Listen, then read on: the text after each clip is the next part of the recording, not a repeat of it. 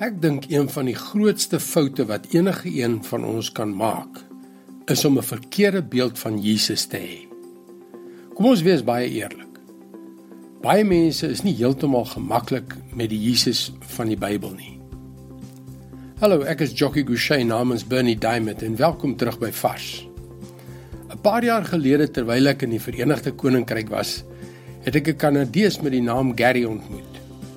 Die eienaardigste ding was dat hy byna dieselfde gelyk het as Bob, 'n liewe vriend van my wat al 'n paar jaar gelede oorlede is. Dieselfde lengte, dieselfde gesig, dieselfde hare, dieselfde ouderdom, alles. Dit was ongelooflik. Elke keer as ek met Gary praat, voel dit asof ek met Bob praat. Ek moes baie hard konsentreer daarop dat as ek met Gary praat, ek regtig met Gary praat. Verstaan jy wat ek bedoel? Ons doen dit dikwels of hoe?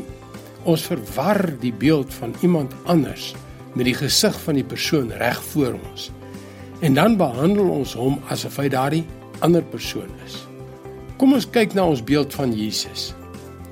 Ek het jare gelede sekere mense hoor praat van Jesus en daardeur het ek 'n wanvoorstelling van Jesus gevorm, 'n kerklike figuur, 'n religieuse beeld, soos in 'n loodglasvenster. Maar ander mense het gepraat van 'n heel ander Jesus.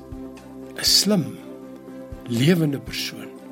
'n Man wat melaatses genees het, wat lief was vir die ellendiges en iemand wat teen godsdienstige skynheiligheid opgetree het. Hoe maklik is dit om verkeerd te oordeel? En wat kan die gevolge daarvan wees? Weet net dat ons eendag die ware Jesus gaan ontmoet. 1 Korintiërs 13 vers 12 sê: Nou kyk ons nog in 'n dowwe spieël en sien 'n raaiselagtige beeld.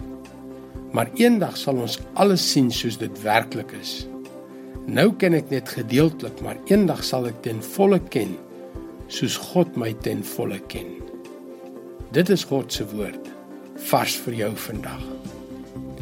Weet jy jou verhouding en my verhouding met Jesus behoort die belangrikste ding vir ons op hierdie aarde te wees.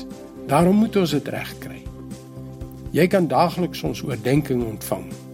Gaan na ons webwerf varsvandag.co.za en op die tuisblad sal jy sien hoe om in te teken.